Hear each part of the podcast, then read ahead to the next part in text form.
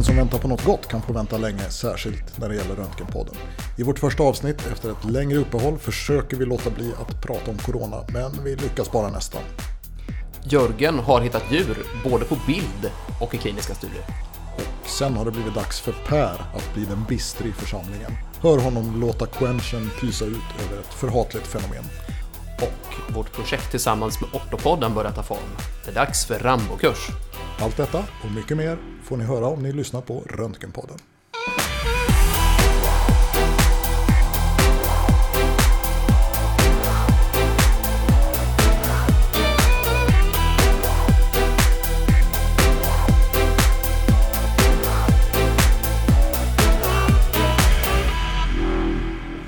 Hej Per! Hallå, hallå Jörgen! Hej, det var länge sedan du. Ja, allt för länge sedan. Det är med viss frekvens vi konstaterar det när vi poddar nu för tiden, att det var länge sedan sist. Det går lite upp och ner, vi är så här periodare. Ja, Eller ja, ja eh, sist vi hördes i etern var i, nej, det är knappt man vågar säga det, det var i december. Det var när vi pratade med Malin på Ortopodden. ja just Så att det det. har gått eh, väldigt många månader nu. Men vi har haft lite aktivitet sedan dess eh, som vi bland annat kommer återkomma till. Du har varit aktiv på sociala medier och, och så. Ja, precis. Och så håller vi på med den här eh, kursen då, som vi har pratat om flera gånger förut också. Det är mycket jobb med den. Så det är väl, jag tycker faktiskt att det är, eh, det är till viss del en acceptabel ursäkt. Ja, jag, jag hoppas lyssnarna förstår det också. Vi har ju till sist fått sträcka vapen och, och gå över till en digital kurs efter mycket om och men. Vi hade ju hoppats att eh, vid det här laget så skulle all sjukvårdspersonal vara vaccinerad och maj skulle liksom inte vara några problem som alls eh, överhuvudtaget att träffas då. Men Det blev inte så riktigt. nej. Nej, det är tråkigt, men det, blir, det kommer nog bli en jättebra kurs ändå. Men det är klart att det krävde eh, lite omställning och en hel del jobb att eh, eh, ändra inriktning från fysisk kurs till en digital kurs. Ja, så är det. Så nu får vi hoppas att eh, tekniken är med oss helt enkelt. Ja, eh, precis.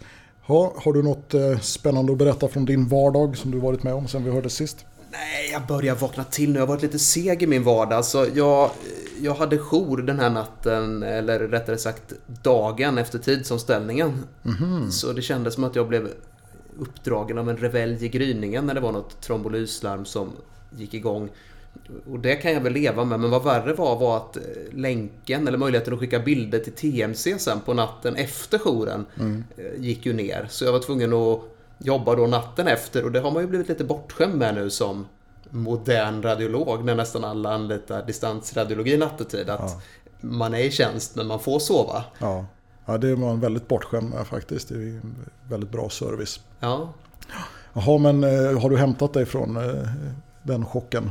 Nu är jag tillbaka på banan igen. Ja, det låter härligt. Själv då? Eh, ja, jag har väl jobbat lite och jag jobbar ju då eh, i en region som faktiskt inte anlitar TMC nattetid. Så där är det ju riktiga nattjourer. Men eh, där är å andra sidan klinikerna väldigt eh, modesta i sina anspråk på vad som ska göras nattetid. Så oftast så får man ändå sova. Men det är klart att eh, det händer då och då att man måste upp mitt i natten och göra en insats. Och det, precis som du säger så är man inte riktigt van vid det efter eh, ett antal år med eh, teleradiologi, jourgranskning. Så. Nej, ja, men det är lite mer det här old school-tänket. Om man pratar med röntgensyrrorna så säger de att eh, deras nätter har blivit mer ansträngande sen Ja. vi skaffade teleradiologi. För att om det var någon radiolog som skulle bli väckt hemma så utgjorde den en ganska god eh, broms för undersökningar som inte var helt indicerade nattetid så att säga. Ja men så är det, helt klart. Och, det, och eh, när man inte har stöttning av teleradiologi då ligger det ju i ens eget intresse att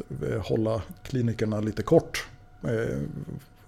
Framförallt på lång sikt. På ett helt annat sätt än vad det gör när man, när man inte är inblandad i prioriteringsarbetet nattetid. då. Ja, och sen tycker jag också, det har ju lite med, med liksom pandemin att göra. Vi, vi får ju dra vårt strå till stacken nu för det, det, det går ju inte att komma undan det faktum att en väldigt stor andel av sjukhusens platser går till att vårda covid-patienter. Så att en del andra måste i högre grad färdigutredas via akutmottagningen då istället för att läggas in om möjligt. Så att, eh, jag hoppas bara att det går tillbaka till någon sorts normalläge efter pandemin. För att tillfälliga förändringar blir ju lätt permanenta. Ja, absolut. Och sen är det ju, man, man vänjer sig ju väldigt fort vid ett nytt normaltillstånd. För att det var inte så att eh, det var smooth sailing innan pandemin slog till. Utan eh, det man minns från den tiden var ju mycket tal om att det var hetsigt på jourerna och överbeläggningar. Och om det är det som är normalläget som vi ska tillbaka till så ja, det är klart.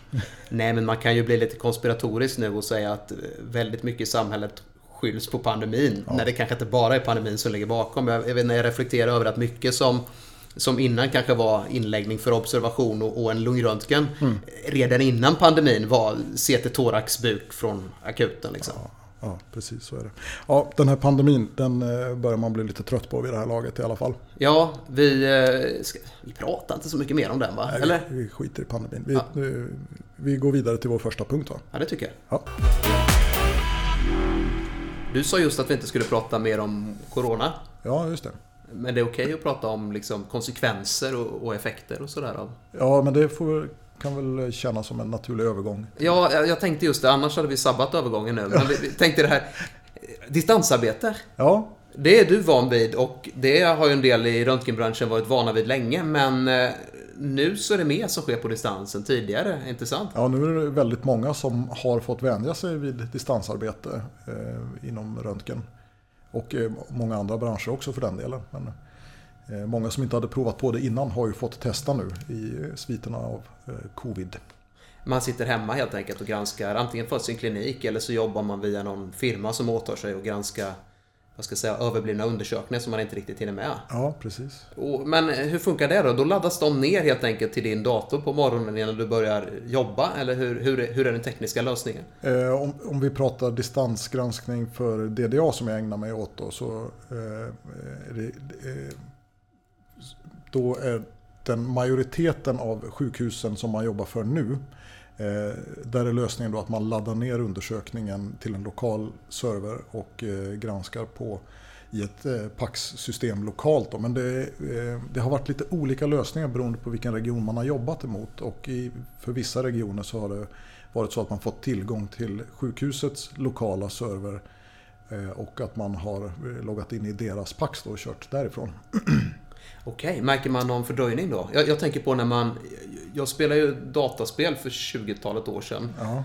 Och då om man spelade med eh, några som satt på ett lokalt nätverk så var det ju en snabb uppkoppling. Ja. Men om man skulle spela med någon som satt längre bort och även om man hade en ganska snabb internetuppkoppling så hade man ju då en nackdel om servern låg långt bort för att det man gjorde fick effekt först senare så att säga. Där, där spelet utspelade sig. Och jag tänker att ja, det borde vara likadant med röntgenbilder. Ja men så är det. Och eh, det kanske, man märker väl inte så jättestor skillnad tycker jag när man sitter i Sverige och jobbar. För då är avstånden inte så stora. Men jag fick ju prova på eh, när jag var i Thailand och jobbade. Eh, båda delarna och fick testa, testa systemen och den här varianten då att logga in på en lokal server eh, som är i Sverige medan jag sitter på andra sidan jorden och då ska, ska scrolla i en CT-stack till exempel. Och det, det funkade inte alls särskilt bra då för då, då blev det ju liksom så att när jag eh, tryckte ner eh, musknappen och började dra i stacken så skulle det kommandot först skickas över halva jorden och så skulle det processas och re resultera i en bild som sen skulle skickas tillbaka över halva jorden och upp min skärm. Då. Och det blev ju en fördröjning som inte var jättestor men den var tillräckligt stor för att den skulle vara väldigt irriterande. Ungefär som när man pratar på telefon med någon och det är två sekunders fördröjning innan det kommer ett svar. Det är nästan omöjligt att, att upprätthålla en normal konversation. Och på samma sätt blev det när man är van med ett visst flow i jobbet och att man hela tiden blir sinkad i det. Eh, det gjorde att det var väldigt svårt att jobba på det sättet. Utan då då fick man ju istället eh, jobba med den lösningen som innebar att man liksom eh, cashade hem bilderna till den lokala servern och satt och jobbade direkt lokalt istället. Ja, för jag tänker på om man, om man tittar på CT eller MR för den delen så tänker man ju inte så mycket bild för bild utan man tittar ju organ för organ. Ja, och det bygger på att det rullar smidigt liksom, med, ja. med bibehållen upplösning då. Ja, men slätröntgen funkar eller? Ja, det, det funkar ju. Och Kanske mest beroende på att där är det inte lika störande med den här fördröjningen som jag pratar om. Om det är så att du liksom drar upp, hänger upp en bild eller ska med scrollhjulet växla mellan frontal och sida på en handled eller en lunga. Så då eh, gör det kanske inte lika mycket att det blir lite fördröjning i den växlingen. Men när man ska scrolla fram och tillbaka i en stack och ändra fönstersättning och lägga in någon mätning och sådär som man gör med CT-bilder blir det mycket mer påtagligt. Eh, men så har vi egentligen jobbat länge. Nu, jag har ju börjat jobba lite på distans fast på huset. Alltså vi har ju mm. coronarestriktioner på rond, ronderna nu. Aha. Innan så kom ju ortopederna och kirurgerna ner varje morgon och de satt ju ganska, ganska trångt. Mm. Och det vill de inte göra längre. Nej. Så nu så sitter de lite spritt. Några kan komma ner och några sitter på något MDK-rum och så får man helt enkelt sända från röntgen då. Okej, okay, men då, då, har ni någon begränsning på hur många som får sitta i röntgen eller i rondrummet samtidigt då? Eller? Ja, jag vet inte om det finns någon fast, men det är ganska disciplinerat ja. i alla fall. Ja. Eh, så det gör vi ju då med, med varierad framgång. Det blir ju lite jag tror inte riktigt de här rummen de sitter i är byggda för det. Liksom. Ortopederna till exempel, då hör man alltid vad den som sitter längst fram säger. Men de där bak kan prata om vad de ska käka till lunch. Eller så vill de se hur bilderna såg ut innan operationen. Det vet man liksom inte. Nej, okej. Okay. Spännande. Ja. ja. Men, eh, och det rummet de sitter i, då är det ändå skärmarna de tittar på är liksom av, det är bra bildkvalitet och så. Det är inte så att de sitter vid någon egen eh, kontorsarbetsstation någonstans och tittar på någon pixlig skärm eller så. Nej men kvaliteten är nog bra fast de har ju en skärm. Så om man sin vana trogen gör hängningar som bygger på tvåskärmslösningar då så blir det ju ganska ofta man får göra om det vid sittande bord. Så att jag ska inte säga att det är helt okomplicerat ändå. Nej, men det liknar ju väldigt mycket den, den lösningen som vi har i, Visby då, där jag numera jobbar eh, deltid. Att det finns begränsningar på hur många som får sitta i rondrummet samtidigt och de som är utöver den begränsningen kan koppla upp sig till ett virtuellt rondrum då, där man, eh, så man kan prata på distans och även titta på bilderna på distans. Men precis som du säger så har vi också bara en, en bildskärm så man får ju hänga om undersökningarna inför ronden. Eh, man, I alla fall när man ska jämföra med gamla undersökningar. Men håller du rond från Eksjö då? Nej, det har jag inte gjort ännu. Och, det har väl mest att göra med att eh, det blir eh, lite sämre bildkvalitet just då när, jag ska liksom scrolla igenom stackarna. Ja, ja, det är klart. Det är samma princip där. Ja, eh, jag tror det i alla fall.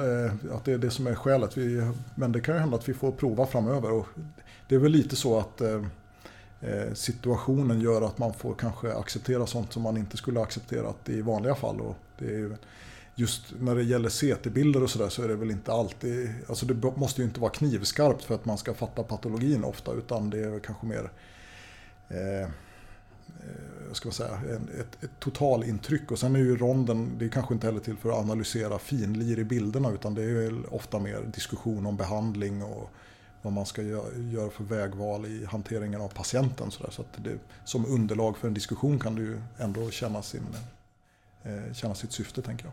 Vi är ju ut, eh, ute på sådana här eh, fortbildningsperioder ibland på universitetssjukhuset i mm. Linköping. Mm. Inte nu visserligen under Corona, men innan så var jag uppe där och då var jag med på eh, gastrokonferenser. Och Norrköping var då underbemannade på den platsen så att de hyrde in en radiolog som, som höll den ronden. Han, han pratade på svenska och var väl utbildad här vad jag förstår, men han satt i Kanada. Jaha. Det är klart, nu när du säger det så tror jag inte att han scrollade så mycket. Utan han, han använde nog faktiskt färdiga hängningar. Och det, har väl en anledning då kanske. Ja, just det. Eller så kanske han har någon annan teknisk lösning. Jag vet inte om det går att komma runt det där problemet på något sätt. Jag är inte sådär superinsatt i det faktiskt. Men du, nu kan man, nu kan man granska bilder på distans. Ja. Man kan hålla rond på distans. Just det det är inte så mycket kvar innan vi kan flytta till, vad var det du sa? En balkong på... Just det, i Bali. Eller? En balkong på Bali. Ja, precis. Och sitta med ena handen pillandes naveln och den andra så får man väl scrolla i sina bilder då. Ultraljud är ju svårt men sonografer gör ju mycket nu, alltså bilder också. Ja, precis. Och det finns, alltså det här med robotkirurgi, det öppnar väl möjligheter för att kunna lägga pleuradrän från andra sidan jorden och så kanske också. Nej, jag vet inte. Nu ska vi inte överdriva här. Det kanske blir lite väl optimistiska. Men det är ju mycket som man kan göra nu som, verkade, som skulle verka som rena fantasier om man lanserade idén för 40-50 år sedan. Ja, ja, jag tänker på det här med interventionerna är ju...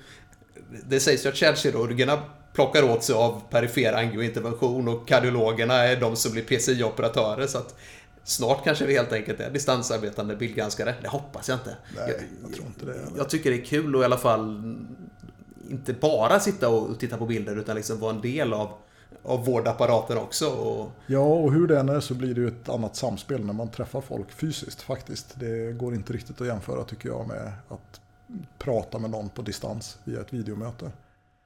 Eh, och det tycker jag också när man är på möten, alltså utanför rondsituationen, så generellt så är det väl mycket bättre om man någon gång har träffat personen som man har videomöte med i verkligheten så att man liksom har en relation från början än att eh, börja på ny kula med någon helt okänd. Det, ja. det är lite högre tröskel tycker jag ändå. Ja, men jag, jag kan bara hålla med.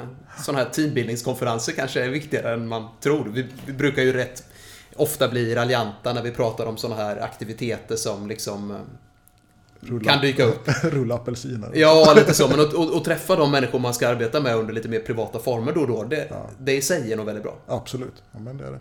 Vi får väl se. Vi skulle inte prata mer om Corona, men nu blev det lite så ändå kanske. Men vi, vi får se hur länge det håller i sig och eh, om utvecklingen drivs på ännu mer innan eh, pandemin är över. Ja, det gör vi.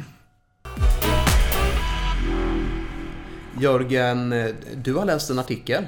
Ja, det har jag gjort. Och eh, den har lite koppling till ett inlägg på Instagram och Facebook som vi la ut här för Ja, nu börjar det bli ett tag sedan. Ja, jag tänkte det. De, de som var involverade i det kanske har glömt det. Så det ja, de har nog glömt det. Det är lite av en spoiler för artikeln annars. Ja, precis. Och, och den är väl lite past due date redan. Men det var ju då eh, vid presidentinstallationen efter presidentvalet i USA. Då eh, figurerade ju en bild på Bernie Sanders där han satt i sina stickade tumvantar och munskydd och benen i kors och såg eh, frusen ut. Han såg lite frusen och eh, lite jag vet inte, inte på så glatt humör. Eller det, man fick intryck av att han inte riktigt ville vara där. Eh, och den här bilden på, på, Bernie Sanders, den blev ju snabbt eh, en meme då som eh, förekom flitigt. Eh, och den plockade du upp också och tog in i den radiologiska världen? Ja, precis. För att eh, eh, det har lite bäring på den här artikeln vi ska diskutera. Men det jag gjorde då var att jag tog en en CT-bild, ett koronart snitt på en patient som hade uttalade covid-förändringar. Eh, och så eh, la jag in Bernie Sanders i svartvitt sittandes då med benen i kors och tumvantarna på. Eh, jag tror att det var basalt medialt i höger lunga. Ja, det stämmer. Jag hittade den efter mycket om och men. Jag satt på telefonen och liksom räknade infiltrat. Nej, men jag letade inte efter en amerikansk politiker kan man säga. Nej, precis. Och det var ju inte så många som direkt pekade på vad som var fel. Utan det var många så här fantasifulla förslag om vad det kunde vara för något och, och sådär. Eh, så det krävdes lite led, ledtrådar innan folk började fatta att det var något ovanligt. Och det här var ju då ändå bara ett snitt som man skulle titta på. Man hade ju gott om tid på sig att leta runt i, i lungorna. Men det var väldigt svårt att se Bernie eh, där mitt i lungparenkymet. Men den här studien var inte från början Bernie Sanders med utan det är din egen lilla twist på det hela. Kan Precis, och eh, artikeln som vi ska diskutera nu då den eh, publicerades i en tidskrift som heter Psychological Science eh, och det var år 2013 som den publicerades. Och titeln på artikeln är The Invisible Gorilla Strikes Again. Sustained Inattentional Blindness in Expert Observers. Eh, och det här är då en, eh, en studie där man har experimenterat med radiologer och även eh, naiv observers som de säger, alltså icke-radiologiskt icke kunniga personer som har fått titta på CT-bilder. Och istället för Bernie så är det då en, en gorilla gissar jag? Ja, precis. Och eh, bakgrunden till det här var ju att det hade gjorts en, en, eh, en studie eh, där man hade bett eh, observatörer att titta på personer som spelade basket Ehm, och eh, så hade man då helt eh, oförhappandes låtit en person iklädd en gorilladräkt gå över spelplanen samtidigt som de här personerna spelade basket. Och sen så eh, försökte man eller så skulle man mäta då hur många av observatörerna som reagerade på det här helt oväntade fyndet då som vi skulle säga i radiologisk terminologi. Alltså en, en oväntad händelse som, som, bara dyker upp. Då. Ja, men, och den har jag blivit utsatt för och då, då skulle man räkna passningar i det här laget. Mm. Var ju liksom instruktionen. Precis. Så man fokuserar ju på bollen och man fokuserar ju på de vitklädda spelarna. Jag såg inte den gorillan. Nej, just det. Och eh, för att anpassa det här då till radiologi så har man alltså eh, då har man lagt upp försöket på så vis att man har låtit en eh, grupp på 24 radiologer titta igenom fem olika undersökningar tror jag det var med eh, ett antal noduli eh, och det är alltså CT-thoraxundersökningar. Och så har de här radiologerna fått i uppgift att eh, peka ut alla noduli de kan hitta i lungorna och markera dem genom att klicka med musen. Ehm, men man har också då på fem konsekutiva snitt lagt in en gorilla som var inte särskilt liten i storlek. Vi ska se här ehm, vad det står. Kanske inte spelar så jättestor roll men den, den totala volymen av den här gorillan genom hela stacken motsvarar en tändsticksask. Så att det var inte en liten förändring då, utan det var bara det att det var en väldigt oväntad förändring. Ja, det är mer på nivån massa än Nodulus, så att ja, säga. precis. Fleischner säger skär bort gorillan kanske. Ja, garanterat. precis. Ehm, och eh, för att den liksom ska bli lite mer naturtrogen då, så har man låtit den fejda in och fejda ut. Så att de första, första och sista snitten där den syns så har den liksom inte haft full, eh, full kontrast utan då har den varit delvis genomskinlig. Sen har den blivit tydligare och tydligare i mitten och sen har den fejdat ut igen. Då, så att man liksom på ett naturligt sätt scrollar igenom den. Då. Eh, och så gjorde man samma experiment med naive observers då, som man kallar det för. Som fick en, en crash course i hur man eh, tittar på eh, CT thorax och hur man letar efter lungnoduli. Säg inte att de lyckades bättre. Med, med vadå? Att ja, noduli. varken eller. Nej, det gjorde de faktiskt inte. Eh, det som var intressant var att av de här 24, om vi börjar med radiologgruppen då, så av de här 24 radiologerna så var det bara fyra stycken som reagerade för den här gorillan och 20 stycken såg den inte ens. Eh, och då hade man ändå eh, eh, då hade man ställt kontrollfrågor i efterhand då, eh, som var liksom på tre nivåer. Eh, och eh, grejen var att det var bara det sista fallet som hade den här gorillan i sig. Och då frågade man först då, Did the final trial seem any different than any of the other trials? och så svarade då de flesta nej på den. Did you notice anything unusual on the final trial? var liksom nästa nivå då på ledande fråga. Och så svarade folk nej på det också då. Eh, eh, till stor del. Och den sista frågan var Did you see a gorilla on the final trial? Och då var det alltså 20 av 24 som eh, svarade nej på den frågan. Men vadå, var det några som kom på att de förresten hade sett en gorilla när frågan mer blev specifik? Ja, jag fattar, ja, det vet jag inte om det var så specificerat i texten faktiskt. Jag fattade som att de här fyra nog reagerade spontant på gorillan. Ja, men jag tänker, ser du väl en gorilla i en CT-thorax så är det knappast så att du liksom på frågan Did you notice anything unusual? Ja, tänker precis. att det vanliga, det är liksom lungartära bronker och en gorilla. Nej, om, om det inte är så att man kanske liksom betvivlar sina egna sinnen då. Man tänker, ja men det kan ju inte stämma att det är en gorilla här. Och att, eh, Nej, alltså såg man en gorilla kan... sent på jouren så hade man ju förmodligen inte beskrivit den. Här. Nej, jag vet inte. Man... Här behövs ju mer forskning. Ja, ja precis. precis.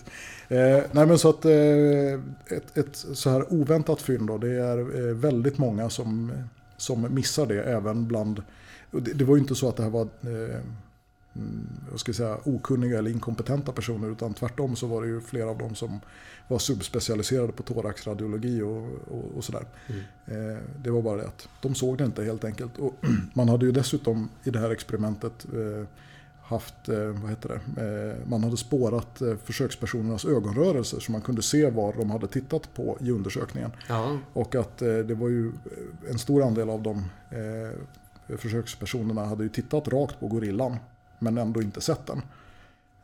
Vilket är Ja, men det är inget fel på synen utan det är medvetandegörandet någonstans som fallerar då. Ja, precis. Och, var, och, bara som kontroll så hade man ju sen visat bilden på gorillan och frågat kan du se en gorilla här? Och det var ju ingen som hade några problem att göra det när de väl fick se den. Nej. Ehm, det är ganska fascinerande hur hjärnan liksom kan sortera bort eh, saker som är oväntade. Men det är därför jag tänker att det är viktigt att se mycket patologi och mm. även ovanlig patologi. För jag tänker mig att om man hade haft någonting som var subtilt, någon patologi som egentligen inte hade med lungorna att göra. Säg någonting i mediastinum eller skelettet mm. eller mm. subkutis kanske. Då tror jag att många av de här erfarna radiologerna hade haft tendens att plocka upp det. För någonstans hade perceptionen varit medveten om att det är ett fynd man kan hitta. Men ja, gorilla ligger liksom så långt bort ifrån radiologens vardag att det bara blir ja. absurt och meningslöst. Och då, då funkar inte systemet. Ja, precis. Och för de här oväntade men samtidigt eh, väntade eller vad man ska säga möjliga eh, bifynden som du nämner då, kutana förändringar. Så många har ju någon form av system för att fånga upp det.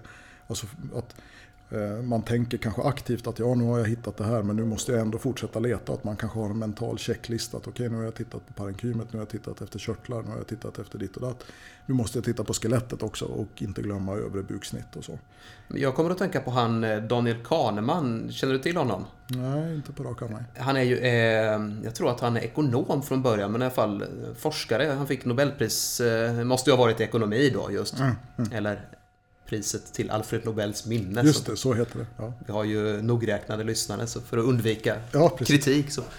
Eh, nej men i alla fall, han, han eh, hade ju då en teori där han identifierat två olika sätt den mänskliga hjärnan jobbar. Där det ena sättet är väldigt automatiserat och förmodligen har tjänat människan väl på savannen en gång i tiden. Mm. Ser du ett lejon så springer du och du gör det fort. Och du lägger inte jättemycket energi på fundera på vilket väderstreck du ska springa åt. Va? Nej, precis. Och den formen av hjärnstamsreflexer är ju ofta korrekta, men inte alltid. Mm. Och lite så tänker jag om man tittar på, på, på röntgenbilder också, säg lungröntgen. Mm.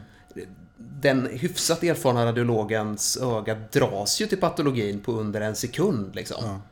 Men då vet man erfarenhetsmässigt att om man inte därefter följer upp med att titta systematiskt så kommer man missa sådana här halvovanliga fynd. Och eh, det är på något sätt inte acceptabelt att missa eh, så mycket som man skulle göra om man bara lät det här spontana systemet arbeta. Då. Nej, precis.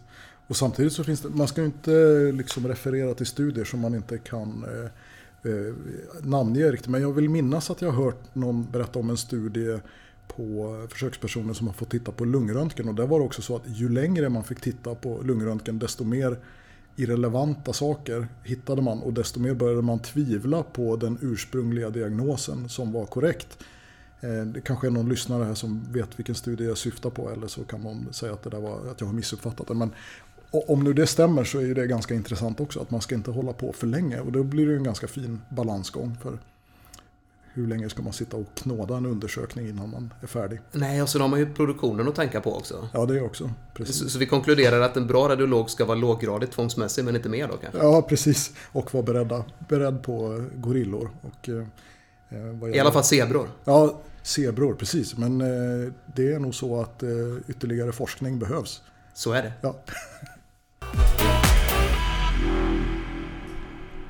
I vanliga fall Per så är det väl jag som brukar stå för det lite mer hetsiga humöret eh, här i podden. Du uttryckte det så diplomatiskt. Eh, ja, men det var väl min roll, va? Har tanken. Att, att du skulle vara mer diplomat och att jag ja, skulle vara... du skulle elda upp det liksom. Lite mer hämningslös. Men Precis. Ska vi, vi skulle byta lite roller idag, eller hur? Ja, även jag har ju någonstans en gräns. Ja, så, och den har du nått nu då? Eh, just den här gränsen når jag flera gånger i veckan. Och det är väl lite därför jag har valt att ta upp den också. Och jag, nu sitter jag och gnuggar händerna. Ja, jag är väldigt men, nyfiken på att höra vad du tänker på. Har du någon gång varit med om att man i remissen vill ha en undersökning extra snabbt? Eh, ja, många gånger. Ja, det, det är ju rätt rimligt. För det... vi jobbar ju inom, inom sjukvården. Om patienten är medvetslös eller har krockat med en älg eller så, då är det en rimlig begäran, inte sant? Ja, absolut. Men har du någon gång hört formuleringen tacksam snabb röntgen då patienten är kandidat till hemgång från akuten? Ehm, ja, det har jag nog också hört. Inte så jätteofta, men det förekommer absolut. För det är ju... Alla verksamheter är ålagda att jobba med ständiga förbättringar. Ja. Och det är ju bra. Absolut. Men som ett led i det här så har man på akutmottagningen här länge haft något mål om att ledtiden på akutmottagningen är någon sorts kvalitetsfaktor. Ja. Man mäter hur stor andel av patienterna som är på akutmottagningen längre än fyra timmar innan de antingen är färdigutredda och har gått hem eller blivit inlagda. Mm, mm.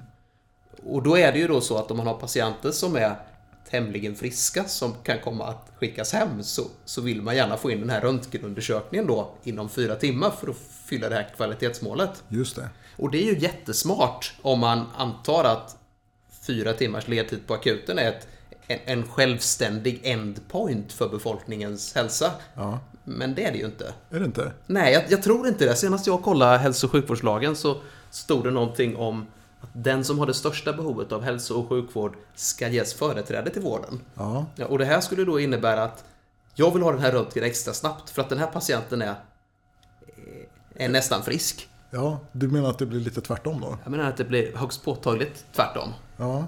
Och det, just, just det här när man, när man liksom eh, stirrar sig blind på en viss liten del av någonting större mm. och tappar konceptet för helheten. Det tycker jag är värt att låta quenchen ljuda. Jaha, du, ja, så du vill quencha det här fenomenet? Alltså. Ja, i en bredare kontext också. I en bredare kontext, ja. ja. Eh, vad ska man göra för att komma åt det då? Det, det var ju 10 000 kronors fråga. Ja. Här behövs förmodligen mer forskning. Nej, men jag, jag tycker egentligen är det inte så, så mycket svårare än så att eh, var och en i vården får väl försöka jobba utefter lagen och se till att den som har det största vårdet av hälso och sjukvård får företräde. Alltså gör ju jag. Jag följer naturligtvis hellre lagen än en förbättringsprojekt på akutmottagningen om jag nu måste välja. Behöver jag inte välja så hjälper jag ju dem gärna naturligtvis. Men... Ja, precis. Ja. Nej, men för, nu var det ju du som skulle vara den, eh, den upprörda här. Men, var jag för diplomatisk? Nej, men nej, du är väldigt diplomatisk alltid tycker jag. För I mina mörka stunder ibland, då tänker jag så här. Du har ju precis uttryckt att det, det här är ju en, en, inverterad prioritering. Alltså man försöker ju prioritera den som har minst behov nästan i, i det här fallet. Va? Ja, precis. Eh, och då, så det är ju eh, totalt bak och fram. Och för att råda bot på det så borde man väl vända prioriteringen bak och fram. Och då tänker jag så här att patienter som inte har en misstänkt akut åkomma på akuten som man ändå vill ha undersökt. De borde få vänta minst fyra timmar innan de blir undersökta. Skulle inte det kunna vara ett, ett sätt att komma åt det här problemet? Jo, ni som är tongivande landstingspolitiker och hör det här, den här frågan tycker jag ni borde driva. Och då, och då blir målet att ju längre man väntar desto bättre? Eller? Så långt behöver vi det, var lite, det var lite väl hårt kanske. Illviljan lyser lite igenom. Nej, vi får, nog, vi får redigera lite. Inte bara trycka på quench-knappen utan vi får klippa lite också tror jag. Ja, men ordningen är återställd för som vanligt så är det liksom du som rasar. Ja, ja men med det trycker vi på knappen tycker jag. Ja, det är bra.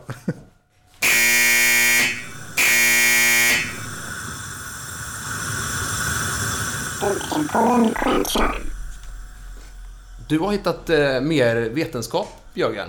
Eh, ja, det har jag gjort. Eh, det var ju ganska mycket av en slump. Är det den här... Eh, för förra gången vi pratade om läkemedel så var det en ST-läkare på Gotland där du jobbade som hade grävt fram någon artikel. Är det han som har varit i farten nu igen kanske? Ja, just det. Det var Erik som hade hittat täthet i olika tabletter. Ja. När man röntgar dem med CT. nej, Erik är oskyldig den här gången. Utan det här var en artikel som jag hittade helt av en slump faktiskt. Okej. Okay. Ja, eh, och det gäller eh, ett eh, potentiellt nytt läkemedel som kan ha bäring på hur vi hanterar patienter inför kontrastundersökningar med jodkontrast. Okej, okay. spännande. Ja, mycket spännande. Och det är alltså inte ett kontrastmedel utan det är ett läkemedel som påverkar ja, som skyddar njurarna kan man säga mot påverkan av jodkontrastmedel. Och det här är då ett läkemedel som heter Primalapril. Jag vet inte om du har hört talas om det? Primal april? Nej, alltså jag tänker ju Enal april. Det, ja. det har man ju förskrivet. ACE-hämmare. Ja, precis. Primal april? Nej, det tror jag inte. Nej, och, och Enal april då för den som minns eh, sina kliniska... Eh, Färdigheter ja, som ligger långt tillbaka. Ligger, ja. ligger långt tillbaka för många. Men Enal april är ju en ACE-hämmare som eh, då påverkar eh, angiotensin converting enzyme. Betyder väl AC då. Eh, och därmed verkar Eh, blodtryckssänkande. Eh, jag ska inte gå in på några detaljer för då kommer jag bara göra bort mig. Men eh, tydligen är det så att enalapril består av en blandning av, av spegelisomerer helt enkelt. Och det har då visat sig att en av de här isomererna, om det nu var höger eller vänster, vet jag inte. Men en, en av de här isomererna har då en njurprotektiv verkan. Primalapril? Det är primalapril då, som man har eh, ja, renat ut då ifrån den här blandningen. Och då, vadå njurprotektiv? Patienter som står på det får, får mindre njurpåverkan eller vad? Ja, alltså huruvida det gäller på patienter det är, återstår ju att se då. För det är bara djurförsök man har gjort hittills. Okay. Och då har man alltså eh, gett det här eh, läkemedlet eh, till eh, försöksdjur och sedan sprutat kontrast i olika stora doser, även mycket höga doser och inte sett att det har skett någon njurpåverkan överhuvudtaget, vilket man annars skulle förväntat sig på de här djuren. Så det är klart att om det den effekten finns även på människor så har ju det väldigt stor betydelse för hur vi ska handlägga sådana patienter framöver. Tänk vad stor del av, av röntgenfältet som helt plötsligt kommer bli ointressant i så fall. Ja, Och vad skönt att slippa få alla de där blanketterna. ja och, eh, men också lite jobbigt för tänk så mycket undersökningar vi måste göra. som, som man inte längre kan backa. Går det att förbjuda det här Primar April redan innan det? ja, jag vet inte. Nej, men spännande är det i alla fall. Ja, eh, vi lägger ut länken på sidan. ja, det får vi göra. Absolut. Har du sett att vi har fått en massa nya följare på eh, vårt konto på Facebook? Eh, Ja, det har jag sett och på Instagram också. Jättemånga faktiskt. Jag vet inte vad. Och inte folk man känner till från några kurser eller sådär heller. Nej, det är så lite okända människor. Men det är, jag tror att det är en massa ortopeder sen vi pratade med Malin. Så jag, jag har blockat de flesta faktiskt. Jag tänkte, det får väl... Men vad spelar du in nu Per? Ja, förlåt. det här klipper vi bort sen. Ja, det får vi klippa bort. Ja. Var var vi någonstans? Jo, men vi pratade om det här med ortopeder och när vi spelade in med Malin Ja, och ja, att vi, vi har nya potentiella ortopeder som lyssnar på det här och vi... Ja, trevliga kollegor allihopa. Ja! Ja, Precis. precis. Eh, Just det, och i början på, av programmet pratade vi lite om den här kursen. Då. Det är ni tycker nog att vi är lite tjatiga, vi pratar om den här kursen hela tiden. Men det tar mycket tid för oss.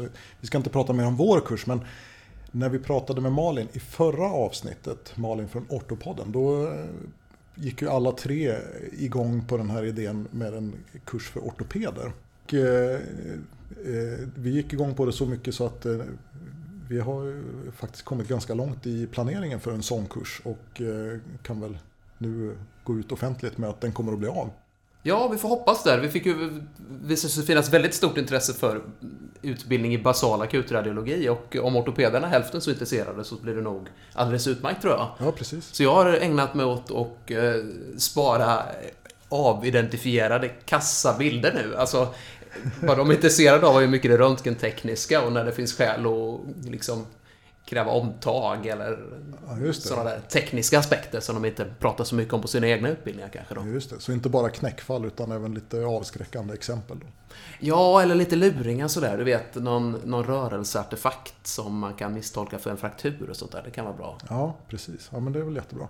Eh, Men den kursen den blir ju inte förrän senare i höst. I eh, november tänkte vi oss. 11-12 november har vi bestämt. Ja, och då kommer Malin stå värd för den, på att säga. Eh, I alla fall geografiskt. Inte hemma i hennes lägenhet, men vi kommer, vi kommer befinna oss i Helsingborg, är tanken. Just det. Och då får vi hoppas att inte Corona, nu var vi där igen, Corona, att inte Corona sätter käpparna i hjulen för den planeringen. Och det är du som har kommit på namnet på, på kursen, eller var det Malin? Eh, vi bollade lite fram och tillbaka. Rambo-kursen kommer Ja. den heta. Radiologisk metodik och bildtolkning för ortopeder. Självklart. Så att eh, det, det kommer vi säkert få anledning att återkomma till framöver. Det tror jag. Yes. Det börjar bli, bli dags att runda av, Jörgen. Ja, vad säger du? Vi har väl... Ett späckat avsnitt. Ja, vi har content som det heter. Verkligen. I poddbranschen. eller hur? Ja, Ja. Vi har pratat om gorillor Gorillor, jajamän, har vi pratat om. och distansgranskning. Distansgranskning har vi pratat om och eh, vad var det mer? Eh, vi, eh, du tryckte på quench-knappen som omväxling. Det gjorde jag. Det Ja. gjorde jag. Och Rambo kom med också. Eh, Rambo kom med, precis. Eh, och sen det här spännande läkemedlet också då. Eh, Ja, vilken grej va? Ja, häftigt. Ja, Prima April. Och just idag också. Just idag. Och så första april. Det är nästan så att namnet på läkemedlet det, det låter som en tanke nästan. Men det, det kan vara en slump. Det kan vara en slump. Vi får väl se. Den som följer Röntgenpodden får, får veta mer framöver. På återhörande.